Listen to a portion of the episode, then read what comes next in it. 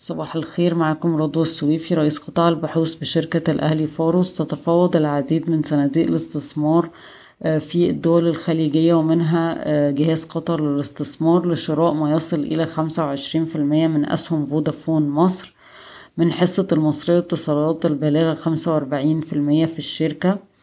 إحنا شايفين بالنسبة للمصرية للاتصالات ممكن تستخدم الحصيلة يا إما في سداد الديون اللي هي وصلت تقريبا سبعتاشر مليار جنيه أو في التوزيعات وده هيتم اتخاذ القرار ده لما فعلا تتم الصفقة.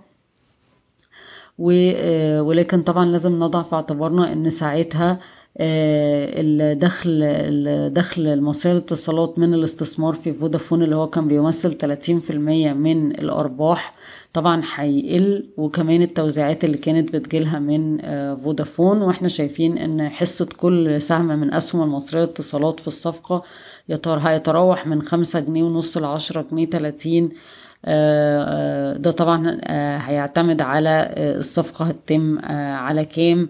طبعا عشرة جنيه تلاتين ده يعتبر عالي لأن ده يعتبر أسوة بالمبلغ اللي كانت عرضاه الاتصالات السعودية لتقييم كتقييم للشركة قبل كده. طيب ال CIB هيرفع رأس المال من تسعة وعشرين وتمانية من عشرة مليار جنيه من تسعتاشر وتمانية من عشرة مليار جنيه من خلال إصدار حقوق أولية rights issue هيبقى هيصدر البنك مليار سهم بسعر عشرة جنيه تمول من الاحتياطات العامة.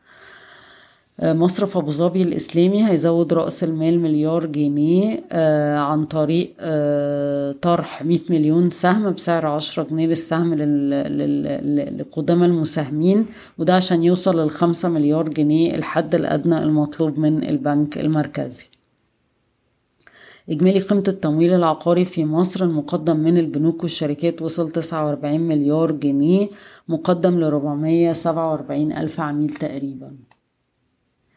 أمان شركة أمان للتمويل متناهي الصغر التابعة لشركة رايا بتتفاوض على تسهيل ائتماني بقيمة مليار جنيه مع أربع بنوك طبعا عشان تكبر المحفظة الاستثمارية.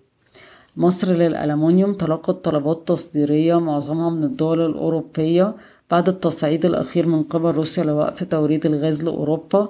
إيجال بتصدر أصلا ستين في المية من إنتاجها لتلاتاشر دولة أوروبية.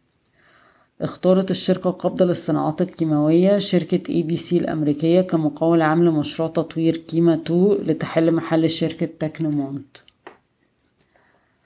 أسيك للتعدين أسكوم تحولت للربحية في النصف الأول من عشرين اتنين وعشرين لتسجل تمانية وستين مليون جنيه أرباح مقارنة بخسائر ستة وتلاتين مليون جنيه في النصف الأول من عام عشرين واحد وعشرين. تم تعيين عمرو أحمد مرسي في منصب الرئيس التنفيذي والعضو المنتدب لأموك النهاردة التلاتة هفكركم سريعا بأسعار السلع العالمية. أوبك بلس قررت خفض إنتاج النفط بمقدار مية وواحد ألف برميل يوميا في